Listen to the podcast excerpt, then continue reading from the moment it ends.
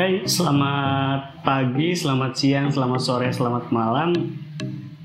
Gua Niko, freelancer, ya, ya bisa dibilang sering gagal. Dan karena ini podcast pertama, gue mau kenalin dulu podcast ini tuh apa sih? Sebenarnya tujuan podcast yang pengen gue bikin itu ini buat ngeluarin semua unek-unek dan pikiran yang selam, selalu ngeganggu dan sepertinya harus disampaikan. Apalagi setelah apa yang gue laluin di tahun brengsek ini gitu.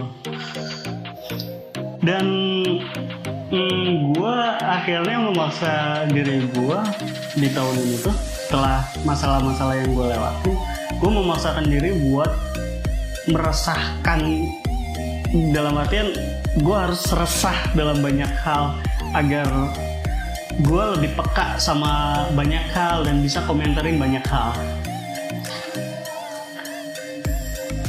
Dan di podcast awal ini gue mau kenalin juga temen gue Ya hai, uh, gue temannya Niko. Uh, nama gue Vika.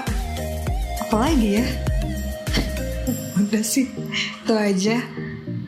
Jadi gini, Vin. Karena ini podcast pertama dan yang tadi gue bilang tentang uh, ya gue ngalamin banyak masalah di tahun ini.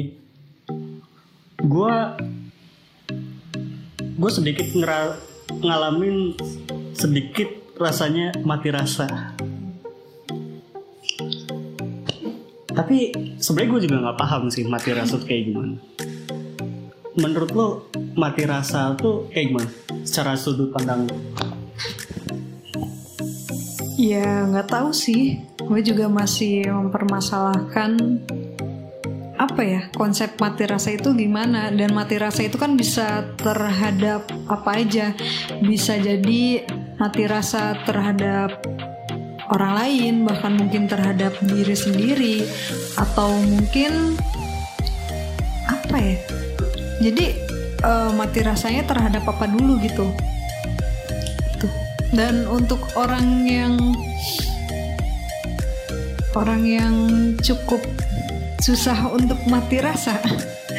ya, saya sedikit tidak bisa memahami apa itu mati rasa.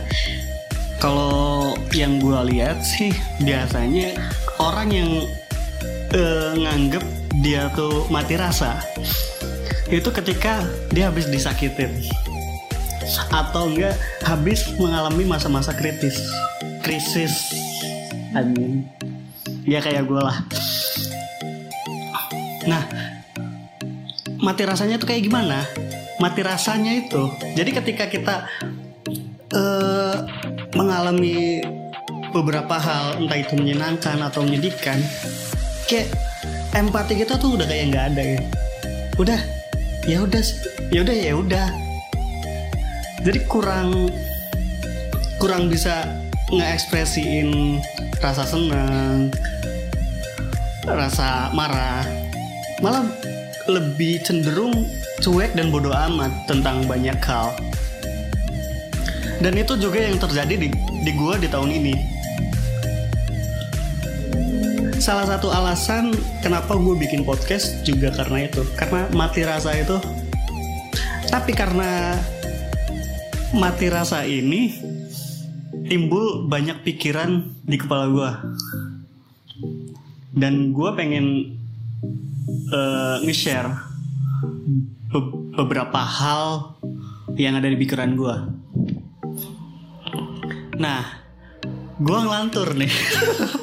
Maksud gue, gue, gue, gue sebenarnya masih nggak paham apa itu mas dirasa dan uh, kayak kayak kalau misalnya lo ngalamin mati rasa, apa yang lo bakal lakuin? Ya, nggak tahu sih uh, mungkin uh, mati rasa itu ya mungkin karena kita sudah beberapa kali melewati fase krit, krit, kritis krisis krisis itu ya dengan beberapa tekanan yang tinggi. Jadi ketika kita berhasil melewati itu kayak bahkan yang terberat pun kok bisa terlewati. Jadi kayak Jadi ketika kita mengalami hal-hal yang kecil, jadi kita lebih susah merasakan itu.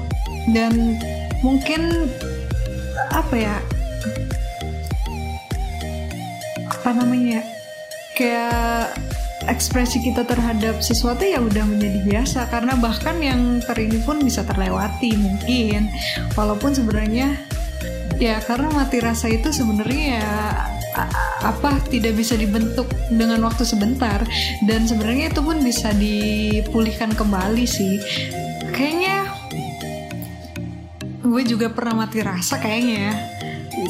Kalau ah pas kapan ya ya beberapa waktu setiap orang punya lah fasenya tapi ketika kayak harapan-harapan datang lagi ya udah dengan sendirinya tumbuh lagi aja terus ya gitu aja terus ketika masalah lagi banyak terus terlewati jadi kayak um, ketertarikan kita terhadap sesuatu ya udah nggak ada gitu.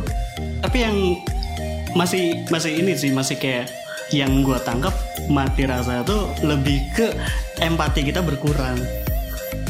Itu sih.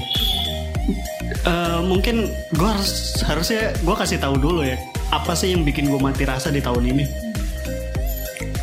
Uh, di bulan Ag Juli Agustus itu gue ngalamin beberapa hal.